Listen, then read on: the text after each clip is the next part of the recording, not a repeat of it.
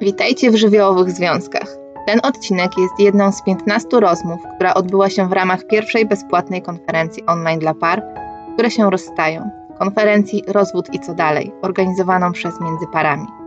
Razem z grupą ekspertów z dziedziny psychologii i prawa oraz z osobami, które rozwód mają już za sobą i stworzyli szczęśliwą relację, mówiliśmy na wiele tematów, m.in. na temat kryzysu w związku i wychodzenia z niego, radzenia sobie ze złością, na temat rozwodu, aspektów prawnych i psychologicznych, mediacji, budowania relacji po rozstaniu, dzieci w sytuacji rozwodu, samotnego rodzicielstwa czy tworzenia rodziny patchworkowej, a także wielu innych aspektów. Po ogromnej liczbie Waszych próśb, wiadomości, jak wiele te rozmowy dają i jak bardzo są ważne, postanowiłam udostępnić nagrania z konferencji bezterminowo na różnych moich portalach na Facebooku, YouTubie i na kanałach podcastowych. Tym nagraniu rozmawiam z Eweliną Stępnicką, a temat naszej rozmowy to jak wyjść z kryzysu przez odkrywanie, a nie naprawianie. Zapraszam serdecznie. Witam Was bardzo serdecznie na konferencji. Rozwód jest pewnego rodzaju kryzysem, doświadczeniem, z którym też musimy sobie poradzić. I z tej okazji właśnie zaprosiłam gościa, którym jest Ewelina Stępnicka. Witaj Ewelinko. Witaj.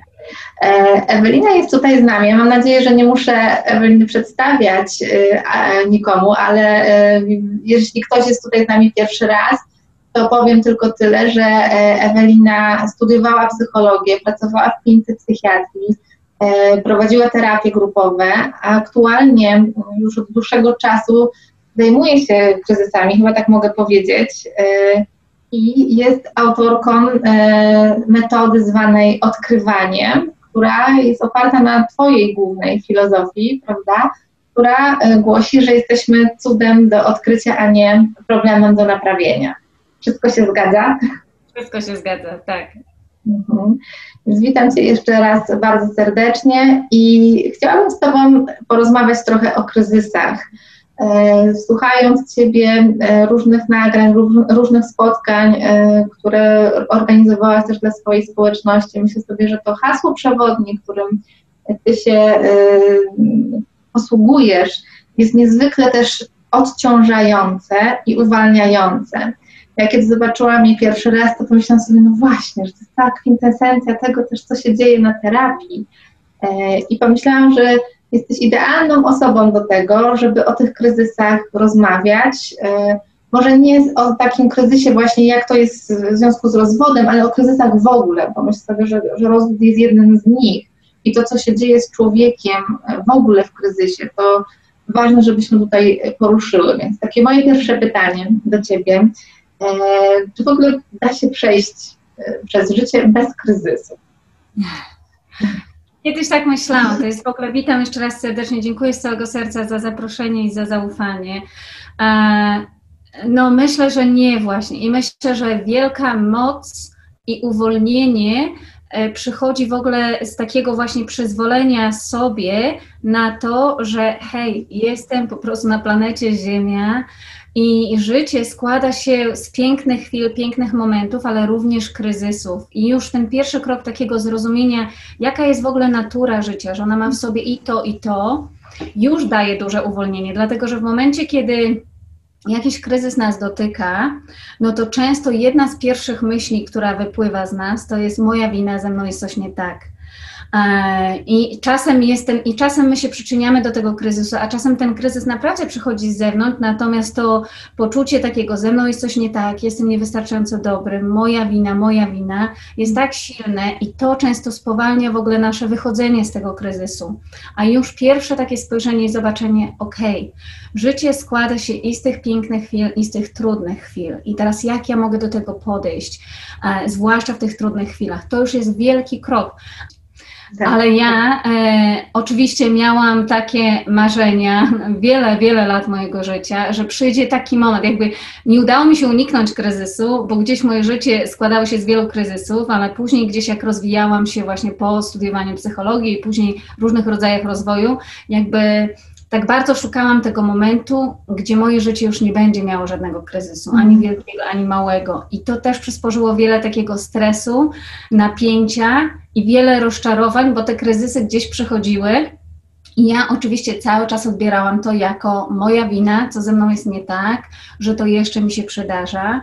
No i gdzieś w uwolnieniu przyszło właśnie to zdanie: jesteś cudem do odkrycia, a nie problemem do naprawienia które ja sama potrzebowałam i do dziś rozpakuję wiele lat, żeby tak naprawdę zrozumieć, czym, to, czym jest to odkrywanie. Bo kiedyś myślałam, że jest takie miejsce, w którym już żadna krzywda mnie nie spotka, a dziś bardziej otwieram się na to, jaka jest natura życia, jaka jest natura naszego istnienia, naszej psychiki i uczę się po prostu to odkrywać i doświadczać i jednego, i drugiego, i tego piękna, i tego kryzysu. Mhm. Czyli jak rozumiem, uczysz się przyjmować to, co jest, ale żeby nie dowalać sobie też trochę. Tak, tak? ale dosłownie, ale brać odpowiedzialność tam, gdzie potrzebuję wziąć, bo gdzieś kiedyś e, jakby e, miałam tak e, pomieszane to, że moja wina często, a często myślałam, ok, to jak ja nie będę się obwiniać, jak ja już jestem cudem w ogóle do odkrycia, to znaczy, że ja już nic nie muszę robić. A mhm. pomiędzy jedną ekstremą a drugą jest ta przestrzeń, gdzie czasem, kiedy ja się przyczyniam do jakiegoś kryzysu, to ja chcę wziąć odpowiedzialność za to, ale już bez potrzeby takiego, ja to mówię, baseballowania się, takiego biczowania i besztania. Ja mogę wziąć odpowiedzialność za to, co się dzieje, ale być wciąż po swojej stronie, prawda? A ja nie umiałam tego zrobić przez, przez wiele lat. Mhm. Jak myślisz, skąd to się bierze, że my w takich sytuacjach kryzysowych tak bardzo obwiniamy też siebie, tak bardzo sobie dowalamy. Skąd to jest? To jest tak, albo są dwa główne takie schematy, wiadomo ich jest więcej, ale albo obwiniamy siebie, albo obwiniamy innych i ta przestrzeń mhm. obwiniania, ja myślę, że to wiadomo, sięga na pewno do dzieciństwa i w ogóle już jako małe dzieci gdzieś e, dorastając, jak chcemy jakieś uwagi nawet rodzica, czy chcemy coś i tego nie dostajemy, to w tych momentach, kiedy ten nasz mózg się kształtuje tak bardzo, to my mamy jakby ograniczony zasób informacji też percepcji postrzegania, więc jak nie dostajemy czegoś, to nasz pierwszy odruch, bo postrzegamy świat przez siebie, nasz pierwszy odruch jest, ok, moja wina w ogóle moja wina, mama mnie nie kocha i próbujemy zrobić wszystko, żeby się dopasować do tego świata, więc odbieramy ten świat bardzo przez siebie i jak coś, jak, jak jest dobrze, to, to jest nasza zasługa, jak jest niedobrze, to to jest nasza wina, bo my nie mamy jeszcze tego odniesienia do tego, że na decyzję składa się o wiele więcej niż my i ta druga osoba. Że tam cały świat jakby się na to składa. No i później tak dorastamy, dorastamy, dorastamy. No i często też jako już małe dzieci, czy to w szkole, czy to na podwórku, czy w domu, często też słyszymy, że to jest nasza wina. No i później już jak jesteśmy trochę starsi i już wiemy, że nie tylko o nas chodzi, no to czasem tę winę przerzucamy. I w ogóle ja naprawdę zajęło mi wiele lat mojego życia, żeby zobaczyć, że obok winy czy to moja wina, czy to czyjeś wina, czy to ja jeszcze lubiłam, że to życia wina, jak życie mogło mi to zrobić, jak Bóg mi to mógł zrobić. Że obok, tuż obok tego stoi odpowiedzialność, stoi chęć pomocy sobie, stoi zadbanie o siebie, e, stoi jakby spojrzenie na to, że jeżeli ktoś się do tego przyczynił, tak, jeżeli ktoś mnie skrzywdził, to ja też chcę to zobaczyć, ja nie chcę tego ignorować. Często myślimy, że właśnie takie odkrywanie siebie, czy kochanie siebie, a, czy wybaczanie, to jest ignorowanie tej krzywdy, która się przydarzyła. Jakby tak umysł bardzo patrzy tak albo tu, albo tu. A pomiędzy tym białym a czarnym jest ta przestrzeń, gdzie my jesteśmy w stanie zobaczyć, ok, życie tu mi dało e, w kość, tutaj ktoś się przyczynił do tego, tutaj ja się przyczyniłam do tego i ja chcę to zobaczyć okiem świadomości, ja chcę wyciągnąć z tego wnioski, ja chcę zrobić wszystko, co mogę, żeby to zmienić, żeby drugi raz tego nie zrobić, tak, ja chcę zrozumieć, co się wydarzyło, ale przez cały ten czas ja chcę być po swojej stronie i ja chcę pamiętać, że mimo, że to się wydarzyło, choćbym ja sam się przyczynił czy przyczyniła do tego, to ja dalej jestem wartościowy. Bo my często odbieramy swoją wartość, roz, e, jakby rozbrajamy, rozwalamy na kawałki, uszczerbiamy swoją wartość poprzez te doświadczenia, myśląc, że tylko dlatego, że to się nam przydarzyło albo my coś zrobiliśmy nie tak, to my jesteśmy mniej wartościowi. Gdzie moje doświadczenie na ten moment jest takie, że My zawsze jesteśmy wartościowi, tylko czasem albo życie nam daje w, kon, w kość, albo my popełniamy błędy. Natomiast e, to nie jest w stanie odebrać nam naszej wartości. Mhm. A mi się wydaje właśnie, że popełniamy ten błąd, kiedy już jesteśmy w kryzysie, że jak y, pierwszą reakcją, którą chcemy właśnie wykonać, jest to, żeby jak najszybciej się go pozbyć, żeby pozbyć się tych uczuć, żeby on minął i żeby się tym nie zajmować, a jeszcze najlepiej, żeby to się nie powtórzyło więcej, tak? E, no i teraz e, czasem mamy takie wyobrażenie, że jak zacznę się tym zajmować i przyglądać się temu kryzysowi, no to co? To wtedy ja uznam właśnie, że to moja wina jest, tak, jeżeli ja się zatrzymam, a skoro, nie wiem, mówimy o rozwodach, to sobie myślę, skoro on mnie zranił, czy ona mnie zraniła, no to ja nie muszę się tym zajmować, bo to przecież odpowiedzialność jest cała tam po tej drugiej stronie. A myślę, że nie wiem, czy dobrze rozumiem się, i się też z tym zgodzisz, że e, tak jak Ciebie słuchałam, to mam wrażenie, że chodzi o to, żeby się zatrzymać i właśnie na chwilę tą winę odłożyć na bok i pomyśleć o odpowiedzialności, pomyśleć o tym, no dobra, jestem w kryzysie, chcę się poprzyglądać, co się tu właściwie zadziało, że jesteśmy w tym miejscu, w jakim jesteśmy i jaka jest odpowiedzialność po każdej ze stron. I że nawet jeśli większa jest po mojej stronie, to teraz e, czy mi pomaga to samo biczowanie, czy właśnie e, baseballowanie, tak jak powiedziałaś, czy mi bardziej pomaga rozeznawanie się, dlaczego ja tak mam, skąd mi się to wzięło, czemu ja tak się zachowuję, czemu ja to robię. Tak, choćby rozstania są bardzo trudne. Rozstania są trudne, e, relacje są trudne, ale to zawsze jest taniec dwóch stron, tak? To nigdy nie jest, że jest tylko wina tej jednej strony. I czasem na przykład właśnie, nawet jeżeli my tam pójdziemy i zobaczymy, e, jakby znów dla mnie częścią zadbania o siebie i naprawdę pomocy siebie. I ja to mówię naprawdę po wielu latach nieumiejętności robienia tego. Jest teraz, że ja chcę wiedzieć, ja chcę wiedzieć, co naprawdę się wydarzyło, na tyle, na ile ja w stanie jestem to zrobić. Czasem sama, czasem będę potrzebowała pomocy terapeuty, ale ja chcę pójść i zobaczyć po to właśnie, żeby sobie pomóc, żeby następnym razem nie zrobić tego albo chociaż się z tego nauczyć. Wiesz, jak my często mówimy tak, o, uczymy się na błędach, ale czy my uczymy się na błędach, czy raczej nie? Czy my się raczej trzepiemy na lewo i na prawo za te błędy, obwiniamy, albo totalnie, totalnie przerzucamy tą winę, nie to jego, albo jej, ona, on mi to zrobił, idziemy dalej i tylko po to, żeby za zakrętem bardzo często wejść w bardzo podobną sytuację, prawda? I czasem musimy trzy razy wejść do tej samej wody, że albo życie musi nas naprawdę zatrzymać, przekręcić, żebyśmy się zatrzymali, a ja zachęcam, żeby naprawdę dobrowolnie użyć tego kryzysu jako taki, okej, okay, ja tam się cofnę, ja tam się cofnę właśnie zamiast tym baseballem w ręku, jak ja tam mówię z latarką, tak, ja tam pójdę, ja zapalę światło, choćbym ja tam znalazła nie wiem jaki bałagan, to ja zobaczę, ile z tego bałaganu ten ktoś wniósł, a ile ja. I choćbym ja wniosła większość tego bałaganu, co jest czasem trudne dla nas, ale jak idziemy właśnie z tą miłością do siebie, która nie jest ciepła i delikatna zawsze, jest też stanowcza, jest też taką siłą, która powie: hej, chodź zobaczymy, co tam się wydarzyło. I choćbym ja weszła i zobaczyła, ok, większość bałaganu ja tam wniosłam, to ja teraz praktykuję naprawdę takie zapytanie się: ok, to dlaczego? Dlaczego ja to zrobiłam? Może nie wiedziałam inaczej, może nie umiałam inaczej, może się bałam, może myślałam, że to zadziała, może takie wzorce, tam zawsze jest jakiś powód, tam zawsze jest powód. I my chcemy ten powód znaleźć, właśnie nie po to, tylko że często jak my go nawet znajdujemy, nawet jak idziemy na terapię i nawet jak u terapeuty odkryjemy, że o wow, to my nabroiliśmy tam więcej niż ta druga osoba, to często my bierzemy to i zamiast użyć tego jako żyznego nawozu na to, żeby następna relacja wzrosła i była zdrowa, to my używamy tego jako takiej amunicji i walimy prosto w siebie po raz kolejny. No, myślę, że, że to ważne jest, y, co mówisz, i e, zaraz sobie przypominam, mm, w którymś z materiałów Twoich y, trochę pokazywałaś tak obrazowo o tym odkrywaniu, bo dla mnie to jest o tym, tak? Czyli, że ja jestem w stanie spotkać się właśnie z prawdą, samym sobą, bez względu na to, co ja tam w tym lustrze zobaczę.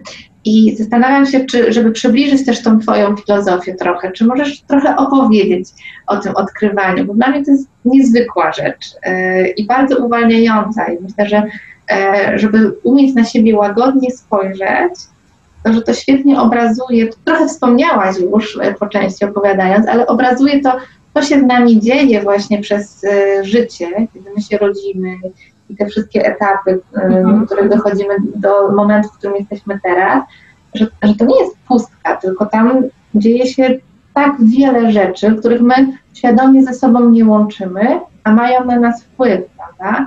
I tak. tylko widzimy tą warstwę wierzchnią. Tak, tak, tak. I siebie jako problem. No, no, dosłownie, znów.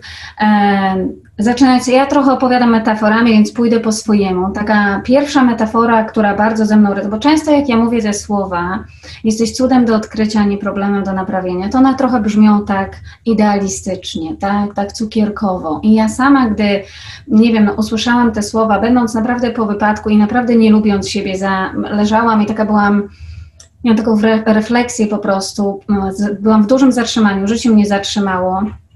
I się tak zastanawiałam nad całym swoim życiem i patrzyłam na nie na taką kompletną klapę, naprawdę. I tak mówię, jejku, jak, jak, jak ja mogłam po prostu, no właśnie, i to był kryzys, taki naprawdę kryzys i taka katastrofa. I gdzieś po prostu leżąc, usłyszałam te słowa, które byłam pewna, że po prostu gdzieś ja wcześniej przeczytałam i one mi się przypomniały.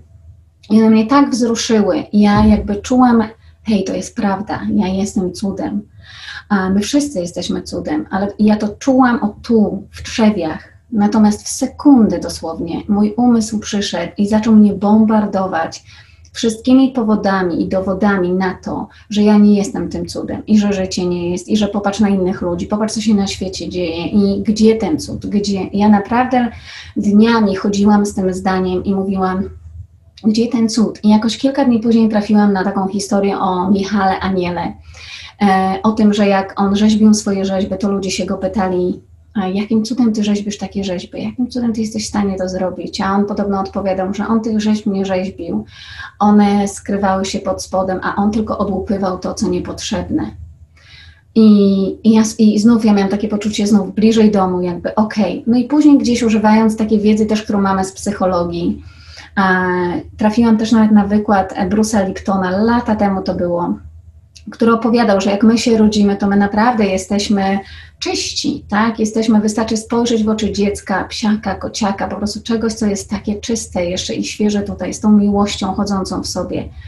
Ale też jesteśmy chłonni jak gąbka. Nasz mózg nie jest kompletnie rozwinięty, pierwsze 7-8 lat nie mamy w sobie właśnie jeszcze tych części rozwiniętych, które mogą powiedzieć, to mi nie pasuje, tego nie chcę, tego nie biorę. Tylko my wsiąkamy wszystko. Ja często mówię, że jesteśmy szklanka wody, która jest czysta, ale ona nie ma pokrywki, więc ona przyjmuje wszystko w życiu i tą miłość, i te piękne przekonania, i piękne wartości, ale też traumy, lęki i to wszystko, co jest trudne. I później w pewnym momencie 7-8 lat nasz mózg kształtuje się o wiele bardziej, zaczynamy mieć takie poczucie siebie, tego kim jesteśmy, czym jest dla nas dobro, czym jest zło, a, ale to wszystko jest oparte na tym wszystkim, co już jest w tej szklance. I ta czystość, i, i te mądrości, które są, ale też i te traumy, i te lęki, i te przekonania. I często nawet jak idziemy później pomóc sobie w jakimś kryzysie, czy idziemy do terapeuty, czy idziemy w jakikolwiek inny rozwój, to często patrzymy na siebie jako na ten problem. Mówimy, ja chcę siebie naprawić, ze mną jest coś nie tak. I jak ja często do ludzi mówię, nie, z tobą wszystko jest ok, jesteś cudem do odkrycia problemu, do naprawienia, to ludzie mówią, to co ja mam zignorować wszystko to, co się dzieje? Ja mówię, nie, nie, nie, no tylko dlatego, że ty u podstawy swojego rdzenia jesteś czystością, jesteś światłem, jesteś miłością. A ja wiem, że to może brzmieć idealistycznie, ale wystarczy naprawdę spojrzeć w oczy dziecka. My, my mamy tą, tą czystość w sobie ale my mamy bałagan w życiu. Tam się poprzylepiały te rzeczy. Ty jesteś tą rzeźbą, tylko tam jest robota do zrobienia, tak? Szedłeś przez życie, życie tobie się przytrafiło i to trzeba poodłupywać, tak? Ta, ta szklanka się zabrudziła, to trzeba przecedzić.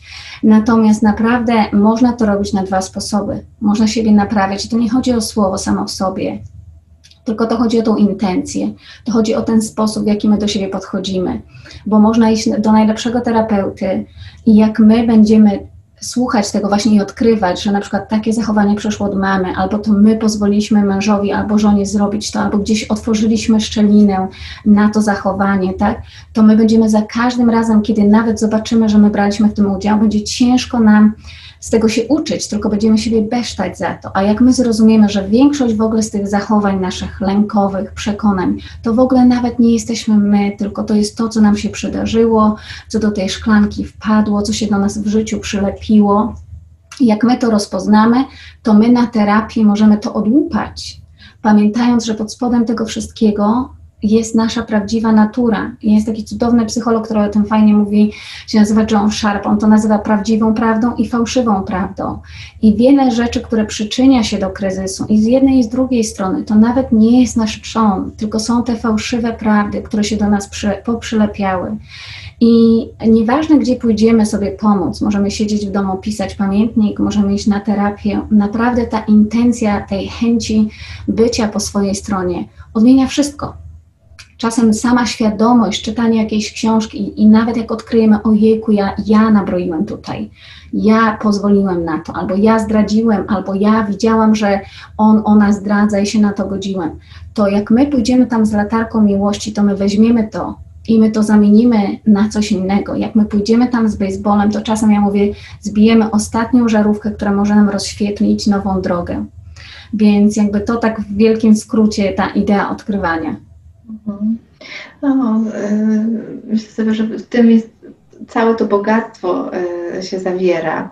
I to jest takie piękne właśnie, bo y, to, co powiedziałaś, że my mamy różne rzeczy, które się do nas przyklejają i że cały ten brud, który tam też jest, siedzi w środku, to ja jak pracuję z parami, to mam takie poczucie, że oni oni, my, tak, ja, że, że, wchodzimy w związek, też w takim okresie życia często y, myślę o tych pierwszych związkach, gdzie my nie jesteśmy do końca dojrzali, jeszcze ukształtowani, całą tą niewiedzą o sobie samym i że często ten kryzys sprawia, że my mamy tak naprawdę okazję, żeby się poznać, ale y, zanim, czyli coś, co, co, y, że to się dzieje trochę na linii czasu, że ja poznaję partnera, przychodzę do niego właśnie z tą całą wypełnioną szklanką e, i trochę mu mówię, weź się tym zajmij, weź to, weź to ode mnie, zrób z tym porządek, wiesz, ja ci to daję, tak wspaniale się mną opiekowałeś na samym początku, to weź to teraz coś z tym zrób, bo ty mi zaspokajasz, czyścisz mi te rzeczy, świetnie to czyścisz, nie? Tak, tak, tak bym o tym powiedziała. To,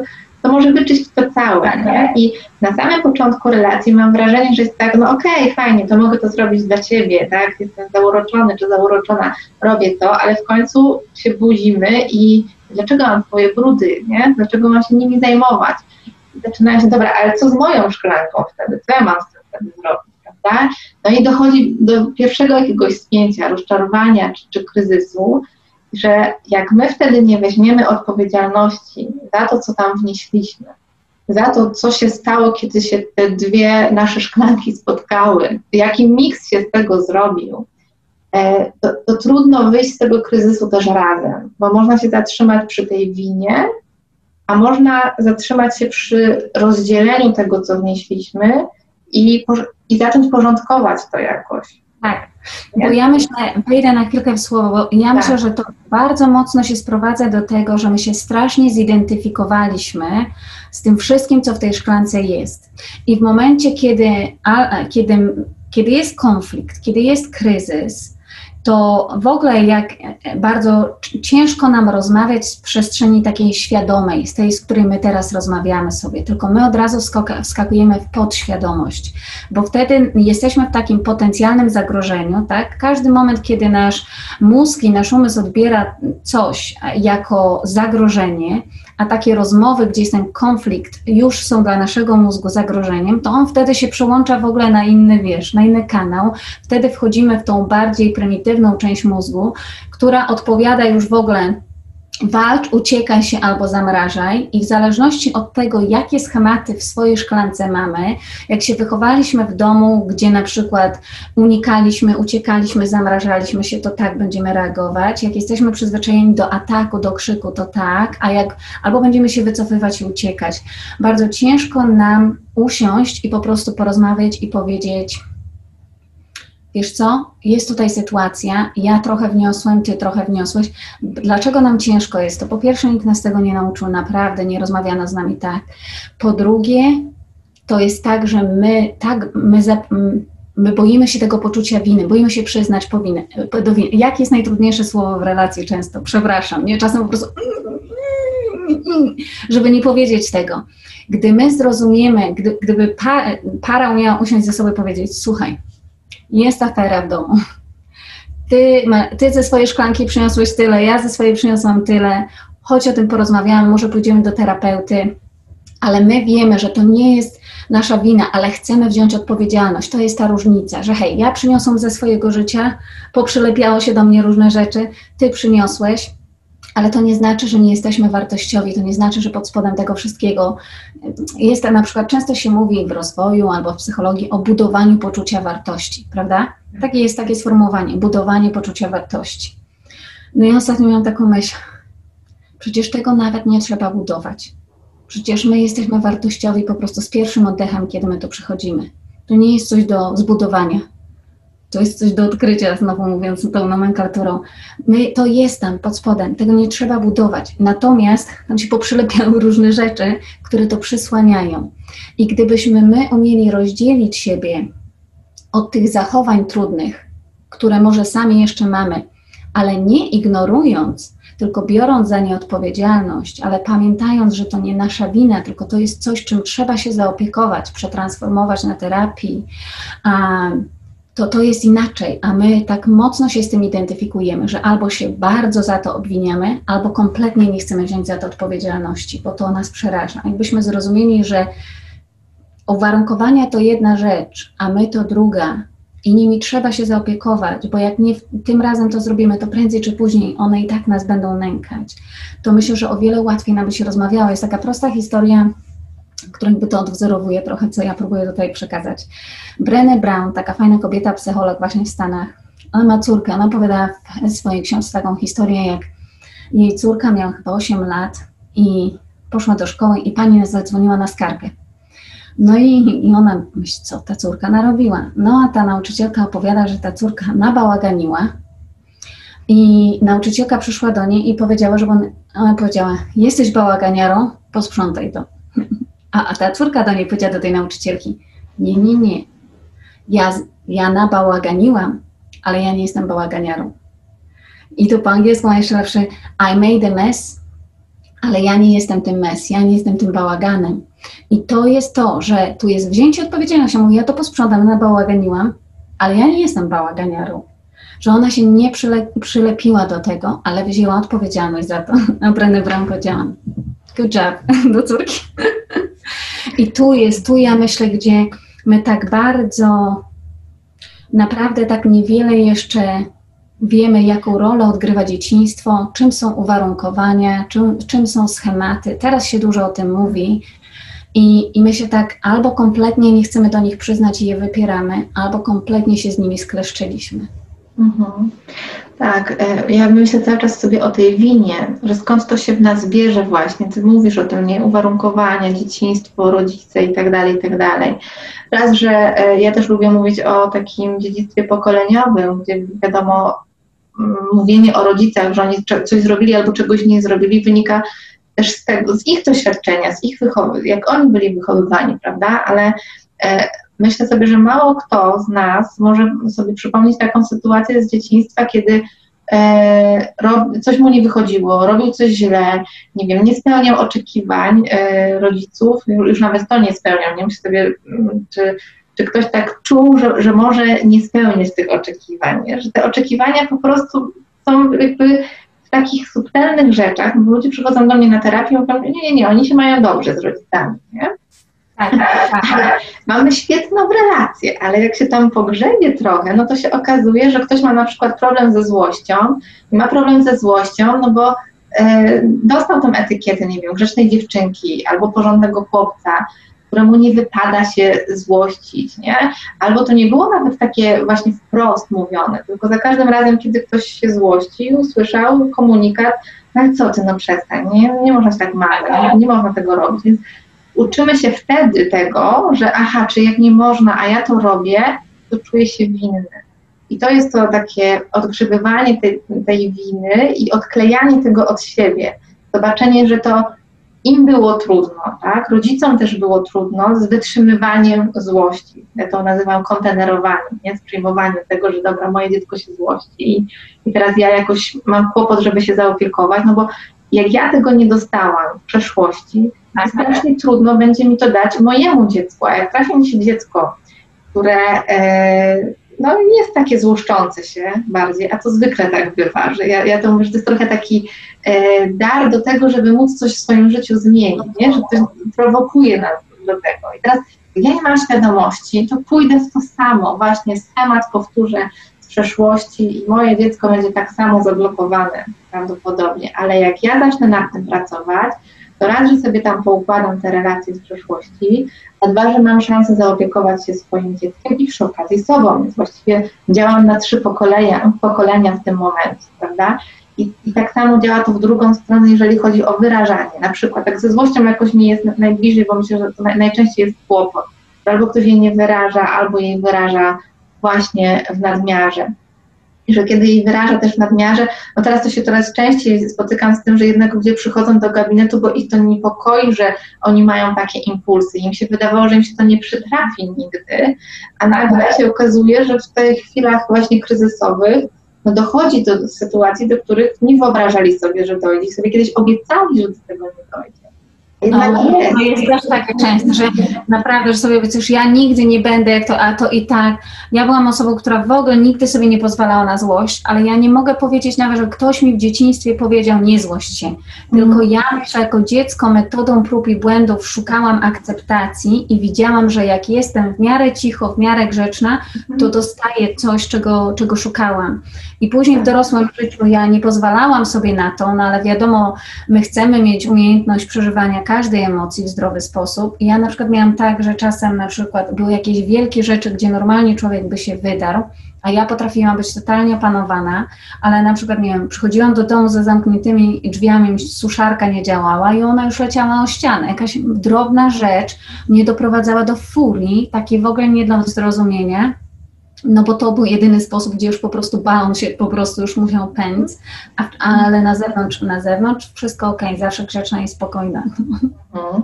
No właśnie, nie, że tych uczuć nie da się przecież stłamsić jakoś sobie tam upychamy, upychamy, wychodzi różnymi, nie wiem, somatyzacjami, chorobami i tak dalej, też ignorujemy te sygnały, nie? Więc tak. E, tak jak rozmawiamy o tym, to sobie myślę, że w sytuacji rozwodu wiele rzeczy nam się może tak odpalić, mówiąc kolokwialnie, nie? Że, że e, zaczynam się konfrontować naprawdę z wachlarzem różnych rzeczy, czasem dochodzę do ściany i dopiero wtedy jest taki moment, kiedy mogę się zająć czymś, co mnie do tego prowokuje. Czasem jeszcze to nie jest ta ściana i ona, ona przychodzi trochę później. No ale myślę o tych różnych osobach, które trafiają do mnie do gabinetu, są po rozstaniu albo w trakcie i właśnie czują się jak taki balast w tym życiu dla innych ludzi, że, tak, że znowu tak. mi nie wyszło, znowu nie ten facet, znowu nie ta kobieta, znowu mnie ktoś wykorzystał, znowu ta sama historia, nic mi w życiu nie wychodzi, praca mi nie wychodzi. Się zastanawiam, od, od czego tu zacząć nie? Gdzie, gdzie byłby ten początek tego, żeby... Jestem, jestem mistrzem tym. Jestem mistrzem, który siedział i mówił, jak mogłam znowu sobie na to pozwolić? Te słowa, te słynne słowa. Jak I w dodatku, jak mogłam tyle wiedzieć i znowu sobie na to pozwolić? Jak mogłam tego nie zobaczyć, jak mogłam przeoczyć, dlaczego to się przydarzyło? I za każdym razem szłam tam z baseballem. I ostatnim razem właśnie zamieniłam te słowa, które byłyby taką agresją do siebie, jak mogłaś. Już za dużo wiedziałam, już ja no, chodzę i mówię o tym kochaniu siebie naprawdę już do, do, do znudzenia czasem. I po prostu usiadłam sama obok siebie na tej ziemi, a płakałam tam, na tej ziemi, leżałam wręcz. Taka zrezygnowana, taka naprawdę już zmęczona, mówię, no way. I usiadłam obok siebie i zapytałam, no to jak mogłaś, kochanie, opowiedz mi. Tak na, zamiast jak mogłaś, to, ta, to jest tak jak ktoś zadaje pytanie, ale tak naprawdę nie zadaje, tylko krzyczy. A tak, to tak jak ja bym przyszła do ciebie i ty byś mnie zapytała, to jak mogłaś, pójdźmy tam. I ja bym zapytała każdego innego, ale do siebie nie umiałam tego zrobić. Ale tu już ja dużo wiedziałam, no tym się zajmuję też. I ja już umiałam wreszcie po tylu latach usiąść i powiedzieć, okej, okay, kochani, jak mogłaś, choć pójdziemy i naprawdę zobaczymy, rozpakujmy to. Zobaczmy, co się wydarzyło. No, ale on to zrobił i, i to, i okej, okay, dobrze, a, a, gdzie ty, a gdzie ty drzwi? Choć, choćbyś myślał, tak. ej, to on przyszedł i mnie nabrudził, albo mnie do dziury wepchnął. Dobra, ale gdzie, ale gdzie ty bramkę otworzyłaś, kochanie? Chodź zobaczymy, gdzie ty bramkę otworzyłaś, tylko siebie nie obwiniaj za to. I dlaczego? I to było bardzo mocne ćwiczenie, gdzie ja e, dosłownie zadawałam sobie takie pytania i też miałam taką piękną rozmowę z moją przyjaciółką, która obwiniała siebie, jak 20 lat temu na coś sobie pozwoliła i dlaczego ja nie wyszłam, dlaczego pozwoliłam na taką przemoc, jak mogłam, miałam małe dziecko i dlaczego, i dlaczego. To 20 lat później człowiek nosi w sobie to poczucie winy. A ja mówię, no to stań naprzeciwko niej i zapytaj siebie, dlaczego. Tak naprawdę, zapytaj się dlaczego. Ale słuchaj, no i pierwsza odpowiedź, bo tam zawsze jest powód. I pierwsza odpowiedź przyszła, bo ja nie miałam gdzie iść. Ale za chwilę przychodzi ta dorosła, no ale przecież wiadomo, że miałaś gdzie iść, ale przecież wiadomo, że mogłaś to i że mogłaś tamto i że mogłaś to. Ja mówię, czekaj, czekaj, ty, 20 lat później taka mądra, nie? Ty zapytaj się jej, czy ona wie. Ona nie wie. A to dlaczego nikomu nie powiedziałam? Ja mówię, ty nie pytaj się mnie, zapytaj się jej. Bo się wstydziłam, bo się bałam, że nikt mi nie uwierzy bo się bałam, że mnie osądzą. No ale tata, tata, ja mówię, ty, nie 20 lat później, tylko tam, idź tam się zapytaj. I teraz naucz siebie, naucz tą podświadomość, ten schemat, który w momentach zagrożenia pamięta to, to jest jego schemat. Naucz nowej lekcji, uczmy się z naszych błędów wreszcie. To następnym razem, jak ci się to przytrafi, to powiedz komuś. A jak ci ta osoba nie uwierzy, to powiedz drugiej osobie a jak ci ta nie uwierzy, to szukaj kogoś, ci uwierzy, tak? I dosłownie musiałam jak z dzieckiem rozmawiać, ona z nią, ze sobą, ja ze sobą, siedząc naprawdę i będąc po swojej stronie, bo ja zobaczyłam, ile razy chcemy pomóc sobie, a stoimy plecami do siebie. Ja mówię, okej, okay, co by było, gdybym ja naprawdę się odwróciła? Przecież odwróciłabym się do obcej osoby na ulicy i zapytała, to opowiedz mi o tym, jak ci się to przydarzyło. No i usiadłam i zaczęłam patrzeć patrzeć oczami takiej właśnie odpowiedzialności i chęci zmiany, chęci takiej zdrowej zmiany, mhm. bez obwiniania tej osoby, bez obwiniania siebie. I to był pierwszy raz, kiedy ja to umiałam tak naprawdę zrobić, bo ja to umiałam zrobić z innymi ludźmi, ja umiałam o tym mówić, ale w moim osobistym życiu zajęło mi tyle lat, żeby naprawdę usiąść. Ja się tak dużo tam nauczyłam tak dużo o sobie. Ja zobaczyłam tyle swojego dzieciństwa, tyle lęku, tyle, ale też pięknych rzeczy. Jak pytałam się siebie, to dlaczego? To na przykład tam wyszło dużo lęku, którego ja nie byłam świadoma na przykład, ale też wyszło dużo takich pięknych cech moich, że ja naprawdę wierzyłam, że się da. Ja wierzyłam, że miłość jest w stanie A, B, C, D. Po prostu wierzyłam. Ja naprawdę kochałam. Ja naprawdę wierzyłam, że nam się uda. Ja naprawdę wierzyłam, że to się zmieni. I tam było dużo pięknych rzeczy, a w momencie, kiedy my wchodzimy z tym baseballem, to my nie jesteśmy w stanie zobaczyć ani tego, co się naprawdę przyczyniło do tego kryzysu, konfliktu, rozwodu, rozstania, ani tego dobra, które też tam jest ukryte. I często mamy taki, często jest takie na przykład, no ludzie są tacy, bo my to tak ogółem bierzemy i nie opłaca się być dobrym, bo jak ja byłam dobra, to mi się to przydarzyło. I często myślimy, że to jest wina tego, że jesteśmy dobrzy, to jesteśmy naiwni, to i tamto. Ale jak pójdziemy tam z latarką miłości, to możemy się naprawdę zdziwić, co tam odkryjemy. Bo to dobro tam jest, ale obok dobra tak naprawdę to, co innego się przyczynia do tego, że te rzeczy się dzieją. To jest na przykład lęk, bo czasem się boimy powiedzieć nie, czasem boimy się postawić, a my to wszystko łapiemy w to, oto dlatego, że byłam dobra, nie opłaca się być dobrym, gdyby była inna czy inny, to by się to nie działo. Nie, nie, nie, tam jest tak dużo do rozpakowania. No, ale jak nie zapalimy światła, to naprawdę tego nie zobaczymy. Tak. To, to, dobro jakoś takie, tak mi dźwięczy, wiesz, w głowie, bo mi się wydaje, że czasami za tym dobrem my wcale nie mamy takiej intencji, e, żeby dawać to dobro, chociaż e, no, robimy dużo dobrego tak, dla innych, ale pod spodem jest oczekiwanie, jak ja to dam, jak się postaram, a on wtedy dla mnie powinien zrobić to czy tamto. To się dzieje przed rozwodem i po rozwodzie, bo ja e, jak pracuję w gabinecie z osobami, to one czasem mówią, no ale skoro ja zrezygnowałam z czegoś na sali rozpraw, tak, to teraz przecież on powinien się jakoś zachować. No, no. I tym samym to nie jest to dobro, dosłownie, to nie jest to dobro, tylko to było, hej, ja zrobiłam to, bo myślałam, że jak ja to zrobię, to ty zrobisz to, a często tak nie jest. Więc dobro jest, i to naprawdę jest takie mocne, nie? to jest takie niewygodne, ale dobro jest wtedy, kiedy ty czujesz całą sobą, że chcesz to zrobić i całą sobą, nie pogwałcasz siebie, ale też nie, nie chcesz nic kupić tam z mhm. powrotem. Ja tak. pamiętam, mam takiego człowieka, e, który rozmawiał właśnie z e, terapeutą, to była taka rozmowa nagrana. I on mówi, no ja dla mojego ojca ja robiłam to, i robiłam to, to jego wina, bo on to, a ona, a ona mówi, ale czekaj, czekaj, czekaj. Robiłeś, ale, ale, ale co ty chciałeś z powrotem? Co ty chciałeś kupić? Co ty chciałeś Ja pamiętam wtedy słucham tylko, och. I on mówi, no, akceptacja, bo on mówi, ja bezwarunkowo się stawiałem. On mówi, ale co ty chciałeś kupić? On, och, akceptację, miłość, coś tam. No, to jest trudne do zobaczenia. Mhm. Tą stronę, a drugą stronę, co dla mnie było takie trudne też, że na przykład czasem robiłam rzeczy, które wierzyłam, że robię z miłości, i, a ja je robiłam z lęku. I nawet nie z chęci zyskania czegoś, tylko uniknięcia na przykład czegoś. Te, czyli też, nie pamiętam jak takie słowa, to była rozmowa e, w ogóle no, o kimś mi bardzo bliskim, ktoś powiedział, e, ona jest chodzącą miłością. I ja później myślałam, i tak często tak do mnie mówię, o, ty jesteś taką chodzącą miłością. I ja sobie myślałam o tym, czy chodząca miłość, w, na przykład gdy krzywda się dzieje w domu, stoi po prostu i, i nie reaguje, bo jest taka kochana, bo jest taka miła.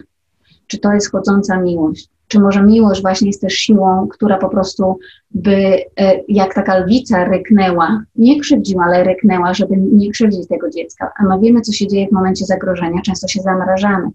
Więc ja tak mówię, co by było, że rzeczy, które często ja myślałam są miłością, mhm. były totalnie lękiem.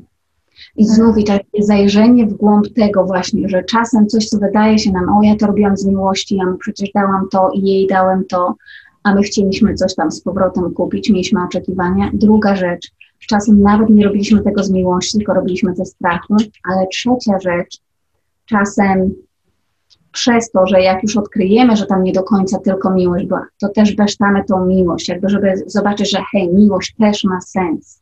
I mhm. czasem właśnie, bo często ja słyszę na przykład w pracy z ludźmi, że nie opłaca mi się być dobrym, bo jak byłam dobra dla, dla niego, czy jak byłem dobry dla niej, to to się wydarzyło, to, żeby też wszystkiego do tego jednego worka właśnie, żeby to rozpad, żeby to odkryć, żeby tam zapalić światło, bo tam tak dużo w tym jednym, w tym jednym koncepcie się mieści. Ja tego nie wiedziałam latami. Mhm. Zastanawiam się, czy Tobie pomogło y, takie dyskutowanie samej ze sobą, nie? czy czytanie, zajmowanie się tym tematem, czy do tego potrzebny jest drugi człowiek, który będzie trochę tym lustrem? Na pewno jest łatwiej, jakbym ja bym powiedziała. Ja sobie nie pozwoliłam na. Ja wszystko robiłam za zamkniętymi drzwiami. Ja mm, nie była, no, to było dla mnie trudne. Ja, ja nawet wiele myślałam o tym. Na pewno to był taki wstyd, taki ludzki wstyd, co ludzie powiedzą, ale ja, ja chyba się bałam, że jak ja tam zajrzę, to się rozpadnie. I po prostu ja myślałam, że ja tego nie poskładam, że to mnie kompletnie rozwali. A wiedziałam, że jak sama zajrzę, to mam kontrolę, tak? Że mogę zajrzeć tylko na tyle, na ile sobie pozwolę ale że jak wpuszczę tego drugiego człowieka, to nie daj Boże, on po prostu za, za bardzo mnie odkryje i ja po prostu rozpadnę się. I później też to mi wcale nie pomagało, no to było robienie to, czego robię. A wiemy, sama jako terapeutka wiesz, że to jest takie oczekiwanie i od siebie samego do siebie samego, ale też od ludzi, że ty już nie powinnaś mieć problemu. Że jakimś cudem tylko dlatego, że wiesz, tam jesteś w ładnym hotelu, skończyłaś szkołę, pomagasz innym, ciebie już planeta Ziemia nie dotyczy. No i ja na przykład uwierzyłam w taką historię. Aha. To była duża część, dlaczego ja chciałam siebie tak mocno skopać po moim ostatnim rozstaniu, że mówię, ej, ja już nie, to mi się nie powinno przydarzyć przecież ja już tyle wiem, ja pomagam innym, jak ja mogę w ogóle sobie na to pozwolić, jaki wstyd w ogóle, co ludzie powiedzą. I, ale ja już znów, ja za dużo wiedziałam, ja wiedziałam, że to mogło mi się przydarzyć, że to może mi się przydarzyć jeszcze nie raz. Miejmy nadzieję, że nie, ale że to nie ujmuje mojej wartości, że ja chcę zobaczyć, co się takiego wydarzyło. I to był pierwszy raz, kiedy ja zadzwoniłam do mojej przyjaciółki i powiedziałam, jest mi ciężko, jest mi źle, potrzebuję pomocy, nie chcę być w tym sama. Ona mówi, Ewelina, nie wierzę po prostu, 10 lat cię znam, ja nigdy tych słów od ciebie nie słyszałam. Ja zawsze to przerabiałam, ja potrafiłam przyjść, nagrać film o tym, ale ja siedziałam tam w dziurze w pokoju sama, płakałam, przerabiałam to, a tu ja siedziałam z nią, e, dwie takie przyjaciółki mi pomagały i naprawdę godzinami i miesiącami, ja myślę, że ja całe życie tam płakałam, wypłakałam, to wszystko, co nie byłam i to mi bardzo pomogło. Dlatego myślę, że z drugim, z drugim człowiekiem jest to wiele łatwiej. Że sami pójdziemy tylko, sami tą kontrolę. Sam często nie zobaczysz tego. Czasem naprawdę trzeba, choćby, choćby żeby ktoś ci powiedział coś, z, tym, z czym ty kompletnie się nie zgadzasz, ale przynajmniej tak, no mi na pewno było łatwiej, tylko dla mnie było bardzo trudno do tej drugiej osoby dojść. Mhm. Ja nigdy nie byłam na terapii nie dlatego, że ze mną było tak dobrze, nie, ze mną było bardzo źle, tylko ja nie kochałam siebie na tyle, żeby w ogóle zaprowadzić siebie tam, nie, nie, nie wierzyłam, że ja w ogóle godna jestem, warta i też bałam się po prostu, że ja się rozpadnę, jak tam pójdę. Mm Będę miała tego kontroli. Tak. To e, właśnie, żeby tą miłość przyjąć, to, to, trzeba umieć ją przyjąć, trzeba ją tak. umieć wziąć, trzeba o nią czasem poprosić, co wielu osobom przychodzi z ogromnym trudem. Tak. Ja, I znowu, część osób może się ze mną nie zgodzić, bo na poziomie deklaratywnym to są, no przecież ja chcę pomocy, no ja chcę pomocy, nie tak. siedzą w gabinecie, są, no i teraz coś ma się zadziać, ale tak naprawdę wewnątrz, tam nie ma gotowości na to, żeby nastąpiła zmiana, nie? Bo y, wychodzą z gabinetu i przeżywają różne emocje, a w trakcie nie są w stanie uronić zły, łzy, a tu widzę po prostu, nie? Mięśnie, wszystko pracuje, żeby tylko y, no, nie pokazać tego z drugą osobą, że my czasami przeżywamy przeżywanie z drugą osobą trudnych emocji jako słabość. Tak, dosłownie.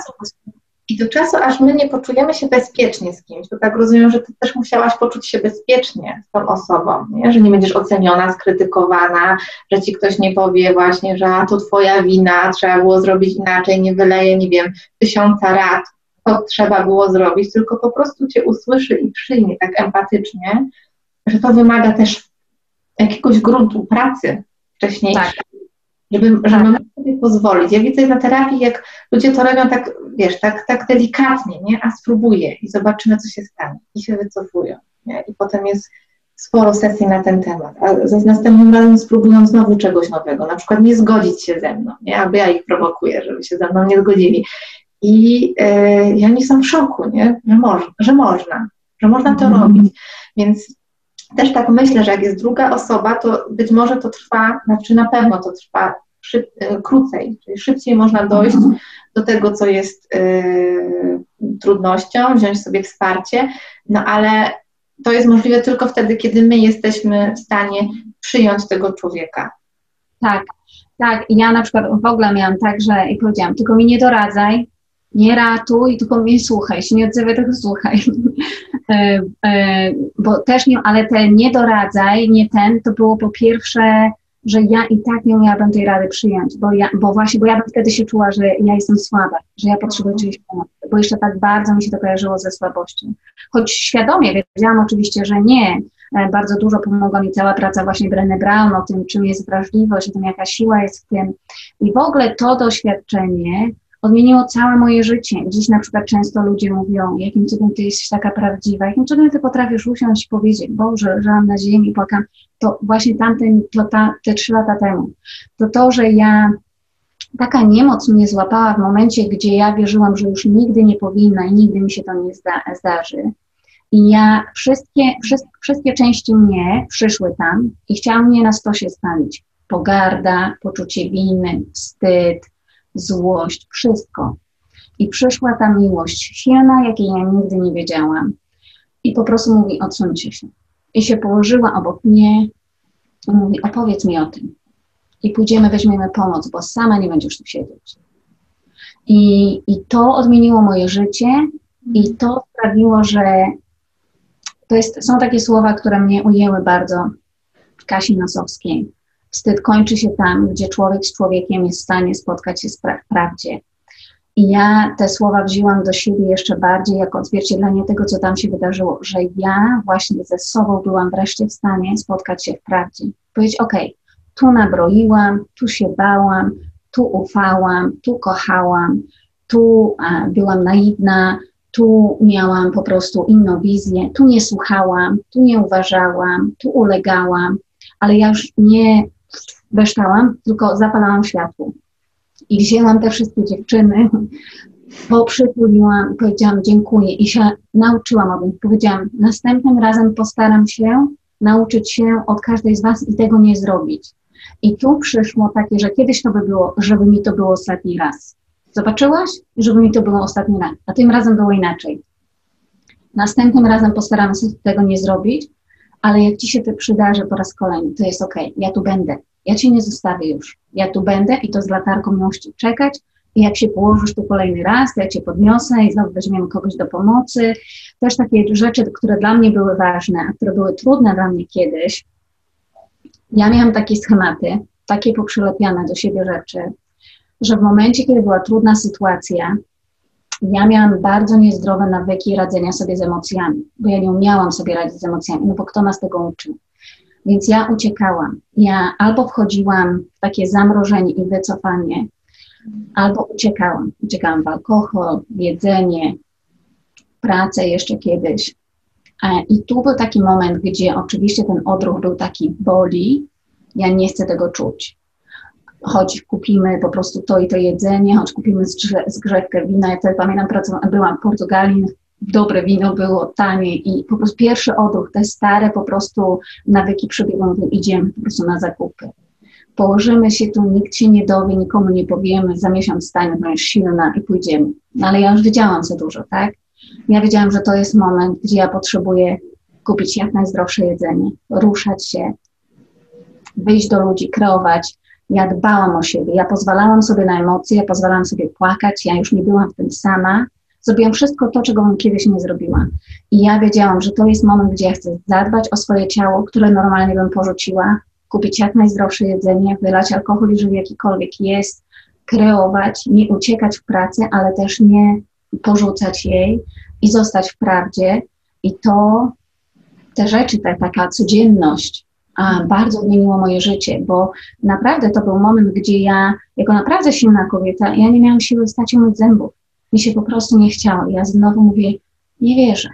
Jakim cudem? I ta miłość, która była bardzo silna, i to zadbanie o siebie, i to wzięcie odpowiedzialności, ale pamiętanie, że ja jestem cudem, ja odkryję, co to się wydarzyło, i ja to przetransformuję, ale nie zostawię siebie i nie zostawię już życia ja wyjdę z tego. To to zmieniło całe moje życie, całą moją twórczość i pomogło mi dzisiaj być tym, kim jestem, tak naprawdę. Jakie to jest ważne, żeby to wybrzmiało, bo myślę, że to, co mm, mówisz o tych schematach, które mamy, że trochę jak już je nosiliśmy przez ileś tam lat życia, to naturalnym jest, że w momencie kryzysowym one nam się będą włączać. Od razu. Od razu. I choćby nie wiem ile czasu człowiek był na terapii, to one się włączą za którymś razem. Może nie zawsze, e, może nie tak silnie. Nie? I to tak jak e, znowu w trakcie terapii, no już właśnie to, co ty mówisz, nie? że dobra, już przecież to wiem, już się to więcej nie powtórzy, jesteśmy z jakąś nadzieją, a potem się to dzieje. No i właśnie, czemu się to dzieje? Jak ja mam taką zgodę, że aha, tak zostałam ukształtowana, tak sobie wtedy radziłam, to jest mój jakiś stały sposób i ja teraz na niego mogę mieć wpływ. To jest ok, że on mi się włącza, bo, bo jest mój, ale ja już mogę nad nim panować, go mogę wyłączyć wcześniej albo później, w zależności od tego, w jakich emocjach jestem. Jak jestem w zamrożeniu, no to go nie wyłączę, tylko muszę się najpierw z tego zamrożenia wydobyć. E, jak jestem w działaniu, to muszę zwolnić, żeby móc zauważyć, gdzie on w ogóle jest, prawda? I że to są rzeczy całkowicie naturalne i dotyczą nas wszystkich. I że nie jest tak, że jak my właśnie sobie raz coś dowiemy się, nauczymy się, to następnym razem będzie prosto i przyjemnie. I Może że... ale nie musi, prawda? Tak, tak, dokładnie. Nie? I żeby mieć też na to zgodę, że, że może się tak dziać, tylko że ja już umiem y, te sygnały, które mi, nie wiem, ciało czy umysł wysyła, rozpoznawać. Czyli jak, nie wiem, chce mi się jeść, tak, bo, bo wcześniej się obiadałam, no to wiem już, co mogę inaczej zrobić. Jak mam ochotę wieczorem napić się drinka, to może to jest o tym, że ja potrzebuję poleżeć albo powiedzieć komuś, jak było mi trudno. Tak. Dla mnie, samej tak, dla mnie samej to było zaskoczenie, bo ja wiele lat w ogóle nie miałam nawet takich myśli, tylko ja już wiedziałam, co się dzieje. Ja wiedziałam, że, e, że to są emocje, że mi jest ciężko i ja wiedziałam, że to zadziała i to była kusząca propozycja, ale ja wiedziałam, że to mi nie da, że to po prostu, że, że tak naprawdę to nie działa że to zadziała na krótką chwilę. I ja zrobiłam wszystko to, ja nieraz też o tym opowiadałam na filmach, że w tych momentach, kiedy jest tak ciężko, my często no, idziemy po bandzie jakby, tak? My często mhm. a to jest moment, kiedy my potrzebujemy zaopiekować się sobą najbardziej. A, I ja wiem, że to jest trudne, bo wtedy naprawdę są takie momenty, gdzie ty nie masz w ogóle ochoty wstać, nawet umyć zębów, a co tam mówić, żeby, nie wiem, jakiś zdrowy obiad gotować.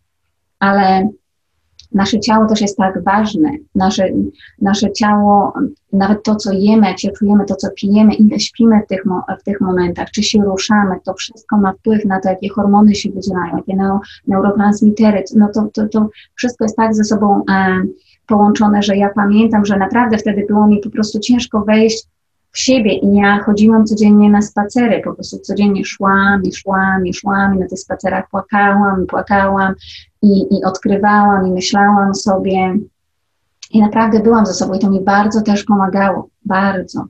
Mhm. No, myślę sobie o takich różnych zdaniach, które też mi teraz do głowy przychodzą, nie? że jak jest trudno, to mogę sobie powiedzieć, dobra, nie muszę dzisiaj wszystkiego. Ile jestem w stanie? Dobra, jestem w stanie tyle, to robię tyle. Tak? Czyli tyle, na ile mam siłę, czyli małymi kroczkami wychodzę z tego trudu. Maleńkimi, tak. tip-topkami czasami. Dosłownie. Wiesz, jest taka cudowna kobieta, e, pani Marzena Barszcz i była u mnie na wywiadzie kiedyś i właśnie ona powiedziała taką afirmację, która bardzo mi pasowała właśnie do takich momentów niemocy, mhm. e, która brzmi chcę inaczej. I ty nie musisz wiedzieć, jak to inaczej wygląda, jak to zrobić nawet, ale przynajmniej ta otwartość i na to, że ok, jest ciężko, jest źle, boli, ja chcę inaczej. I to już jest jakby odwrócenie się z tego miejsca, jest ciężko, jest źle, bo jakby już przekierowanie, chcę inaczej. I teraz szukasz tego. Ja kiedyś miałam takie zdanie, które mi bardzo pomagało w trudnych momentach. Nie wiem jak, nie wiem gdzie, nie wiem kiedy. Można dodać, nie mam siły, boli, nie rozumiem, ale nie wiem jak, nie wiem gdzie, nie wiem kiedy, ale otwieram się, otwieram się na tą zmianę. I dosłownie ten moment, te mini, pini, mikrokroki, i ja pamiętam ten moment właśnie, kiedy leżałam i dosłownie tak mówię, co ja mam zrobić, co ja mam teraz zrobić, jak tutaj się ruszyć z tego. I przyszło, i przyszło właśnie e, takie słowo kreuj. E, I ja sama ze sobą miałam tą dyskusję. Ja mówię, tak, kreuj. Weź się kreuj w ogóle. Co ja mam tutaj, nie wiem, wstać obraz ci namalować, co w ogóle kreuj ma do tego. I chciałam uciec sama od siebie, uciekłam na Facebook i tam dostałam wiadomość od kogoś, kto napisał, nie mam siły stać z łóżka, Ewelina, pomóż. Ja mówię, ja pierdzielę po prostu. I ja mówię, co, napiszesz kreuj? I było, tak, kreuj. Wykreuj ten dzień. Jaki jest pierwszy krok, który możesz zrobić? Wstać i umyć zęby. To już jest kreacja. To już kreujesz ten dzień. A jaki jest krok, który jest w stronę życia, bardziej niż krok do tyłu od życia? I to jest też coś, co na przykład nawet w tych trudnych chwilach może pomóc, czyli jeżeli masz do wyboru, wyboru szklankę wody czy szklankę wina, co jest bliżej życia? Jeżeli masz do wyboru wstać albo zostać w łóżku, co jest krok w stronę życia? Jeżeli masz do wyboru właśnie jedzenie, zjeść, iść na spacer czy zostać na kanapie, stronę życia. I to są mikrokroki, które naprawdę decydują o naszym życiu. Kiedyś Male Robbins tak mówiła, człowiek nie wstaje z dnia na dzień, nie mówi schrzanie swoje życie dziś. To nie tak działa, to nie tak wygląda. Budzisz się pewnego razu i myślisz sobie, jestem w ciemnej dziurze, jak ja tu wylądowałem. I ona mówi, to są te mikrokroki, mikromomenty. Ten moment, kiedy czujesz, że masz odstawić lampkę wina, nie odstawisz. Kiedy czujesz, że masz przeprosić, ale tego nie robisz. Kiedy czujesz, że masz powiedzieć nie, ale tego nie robisz. Kiedy czujesz, że masz powiedzieć tak, masz iść e, posprzątać, masz iść się przejść. No to są te mikrokroki, które cię doprowadziły tu. I one cię też wyprowadzą. I wracając do naszej głównej rozmowy, jakby relacji, konfliktów, to też są mikrokroki i dlatego tak ważne jest wrócić tam i to rozpakować dla siebie, żeby zobaczyć, co mnie tu doprowadziło. To się nie stało z dnia na dzień. to nie był jeden czyn. Choćby ten związek się rozpadł poprzez zdradę, to ona jakby była już efektem końcowym, tą czarną dziurą, do której prowadziły te mikrokroki. I my chcemy zobaczyć, jaki my braliśmy w tym udział, czy braliśmy. Nie po to, żeby siebie obwinić, tylko po to, żeby następnym razem może nie otwierać tych drzwi albo nie robić tych mikrokroków, prawda? Tak, mi tak jak pokazałaś te kroki, to sobie wyobraziłam, wiesz, jakby tak ktoś cofnął film i od początku go razem obejrzyjmy, nie? I zobaczmy, aha, tutaj, teraz jeszcze i tutaj, i tutaj, i tutaj, okej. Okay. Nie, no to mam na to uwagę, mam, mam na to zgodę, że, że tak może być. Mogę się coś o sobie dowiedzieć, czyli moją intencją jest dowiedzenie się coś więcej o tym, jak ja funkcjonuję i dlaczego tak, a nie inaczej. Tak. I, I też e, a propos właśnie rozwodu, to sobie myślę, że, że to jest proces. I że ten proces, jest, cały ten proces jest kryzysem. Od momentu, kiedy się psuje w małżeństwie czy, czy w relacji, w związku, do momentu, kiedy my sobie poukładamy, czy ja nie wiem ile, czy to jest rok, czy pół roku, czy dwa miesiące, czy pięć lat czasami, nie? Po tym, po rozpadzie, po, kiedy przychodzą papiery rozwodowe, że to jest proces. I ludzie właśnie bardzo często chcą, żeby to szybko wszystko minęło. Ja sobie myślę, że y, tak jak Ty mówisz o tych y, mikrokrokach w stronę życia, to w tym procesie podobnie, czyli dobra, jest tyle rzeczy do zrobienia, ogrom cały. Tu się dzieckiem zaopiekować, tutaj coś załatwić z prawnikiem, tu swoje emocje, tu praca, tu mieszkanie, tu rodzina, znajomi, wszystko. To na dzisiaj. I jestem w stanie dźwignąć na dzisiaj, na teraz. Nie? Dzisiaj się tak, tak. tym. I tylko tym, a reszta mnie nie interesuje. Bardziej mi się nie zawali, jak mi się wali. Nie? Mam tak, spróbujemy po, po, kawałku z tego wyjść. Nie? nie oczekuję, że nagle zrobię to wszystko, przecież nie jestem w stanie tego dźwigać. Nikt za mnie tego też nie zrobi. Tak mam. Normalnym w tej całej nienormalnej często sytuacji jest to, że ja to tak przeżywam intensywnie, że to jest ok, że tak może być, że y, gama tych uczuć i chwiejność emocjonalna też może być bardzo, bardzo duża. I tak y, jakby jakoś podsumować trochę tą naszą rozmowę, to sobie myślę jeszcze o tym, że, że zgoda na to, żeby y, popełniać te błędy, żeby wchodzić w te same mechanizmy, bo im częściej w nie wchodzę, tym bardziej je poznaję i widzę je wyraźniej, mogę je szybciej zatrzymywać, czy się ich spodziewać na przykład, albo coraz szybciej reaguje, ten środek reakcji się przesuwa trochę, nie? Na korzyść tego, że, że robię to coraz szybciej i z mniejszą oceną siebie. Jakby kolejna rzecz. E, I zaglądanie też do przeszłości, czyli żeby nie patrzeć tylko na ten związek, oderwaniu od tego, co w moim życiu się wydarzyło. Że to jest jakaś część, jakaś pigułka mała, drobna, z całych tych elementów czy puzli, które są w moim życiu poukładane, i ona tam pasowała z jakiegoś powodu, żeby zobaczyć, dlaczego tam pasowała z tego powodu. Ja ją mogę wyjąć i spróbować ułożyć ten obrazek od nowa, już po swojemu, niezgodnie ze schematami, ale tylko wtedy, kiedy poznam całą prawdę e, o sobie. Jest coś, co byś chciała jeszcze dodać do tego, żeby to zawrzeć tutaj? Jakimś... Nie, pięknie to, pięknie to podsumowałaś. Tak, no co ja mogę dodać, to właśnie chyba to, o czym e, najczęściej mówię, żeby naprawdę być po swojej stronie w tym momencie, bo to znów to czasem ta prawda jest tak prosta, że aż ciężko nam e, przyjąć w ogóle e, przyjąć ją, zrozumieć, jak ważne to jest, bo my to wiemy, jakby my to wiemy, ale czasem tylko dlatego, że to wiemy, to nie znaczy, że tym żyjemy i naprawdę można podejść do tych sytuacji, można iść na terapię, można iść na, e, na rozprawę sądową, można usiąść ze sobą, ale można to zrobić na dwa sposoby. Można być tyłem do siebie, a można naprawdę się odwrócić przodem. I bardzo ciężko jest sobie pomóc, kiedy my jesteśmy albo tak, albo bokiem, albo tyłem. Naprawdę, choćbyśmy mieli tu najlepszych pomocników, to jak my się nie odwrócimy tak, a czasem możemy być sami w tym wszystkim i jak jesteśmy przodem do siebie, to każdy drobny krok, o czym rozmawiałyśmy, będzie nam pomagał wyjść z tej sytuacji. I tak jak mówisz, właśnie też pozwolenie sobie na te emocje, przyzwolenie sobie po pierwsze na to, ok, to się wydarzyło, i to jest ciężkie, przyzwolenie sobie na to. Często, co mi też bardzo pomogło, to rozumienie tego aspektu pięciu etapów żałoby, jakby, tak? tak. Że my naprawdę je przechodzimy i e, taką żałobą te rozstania, rozwody są też taką żałobą, że i ta, te wszystkie wachlarze tych emocji są dla nas naprawdę, jest okej okay to czuć, wręcz za każdym razem, kiedy będziemy próbowali tego nie czuć, to to i tak wyskoczymy jakoś bokiem, a o wiele łatwiej wyjdziemy z tego, jak damy sobie na to przyzwolenie i jak czujemy, że nie jesteśmy w stanie tego zrobić sami, to naprawdę nie bać się szukać pomocy. Po prostu nie być tym samym, prawda? I dać sobie czas też. To jest tak, jak powiedziałaś, ja, ja jestem osobą, która nigdy sobie tego czasu nie chciała dać. Zawsze teraz tu nie ma czasu, dajesz.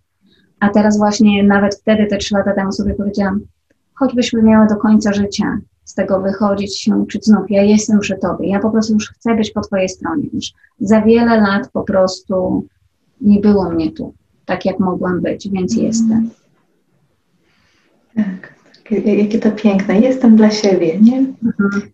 Jestem przy sobie, jestem tutaj. To tak, e, to, to, jeszcze sobie pomyślałam też, jak powiedziałaś, że rozmawiałaś ze swoją e, koleżanką czy przyjaciółką, że rozmawiałaś z nią jak z dzieckiem, że trochę to jest jak rozmowa z dzieckiem, bo to jest rozmowa z naszym wewnętrznym dzieckiem. Gdyby tak się jakoś terminów psychologicznych czepić, to trochę tak to jest, nie? Ja czasem pytam na, na terapii, co Pan powiedział, e, Pani powiedziała, tej małej dziewczynce wtedy. Mhm. Wtedy to jest takie rany. Nie, no to ja jej w sumie współczuję. Musiało być jej ciężko. Było jej trudno. Hmm? Ale już sobie, jako dorosłej osobie, nie umiemy tego powiedzieć, nie? Pewnie wtedy też brakowało tego kawałka, żeby ktoś nam to, to mówił, ale że to też jest taka rzecz, którą można ćwiczyć w ten sposób. Nie? Tak, tak. Takie mówienie do siebie, właśnie jak do swojej takiej y, no, wewnętrznej małej części, nie z poziomu karcącego rodzica, super ego, które nas tu umoralnia, tylko właśnie z taką wrażliwością i delikatnością na to, co kruche.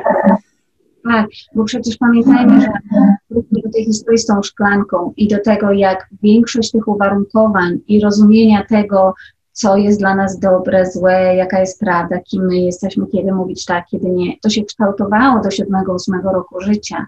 Więc jakby te nasze odruchy, które też może doprowadziły do tego konfliktu, do tego kryzysu, rozwodu, rozstania, wiele z tych rzeczy, wiele to, są, to, to, to jest to dziecko, które nie umiało inaczej, którego nie nauczono inaczej. I my teraz możemy krzyczeć na siebie, o przecież ja wiem, przecież ja to. Tak, ale my operujemy 90% naszego dnia, niektórzy naukowcy i psychologowie mówią, że w ogóle nawet 95-98% naszego dnia my operujemy na podświadomości, a podświadomość w większości naprawdę tak wielkiej części jest wypełniona tym, czego się nauczyliśmy za dziecka i ta rozmowa ze sobą jak z dzieckiem, albo przynajmniej przyjacielem dorosłym, bo my nawet do przyjaciela byśmy tak nie powiedzieli, jak mówimy do, so, do siebie, tak. prawda? No mi to, to pomaga. No. Mhm to, to ja mam ostatnie zdanie, takie, które wydaje mi się jakoś ważne e, i które mi pomaga osobiście w różnych relacjach, które czasem są trudne. E, to, to takie zdanie, że, że człowiek robi najlepiej, jak w danym momencie jest w stanie.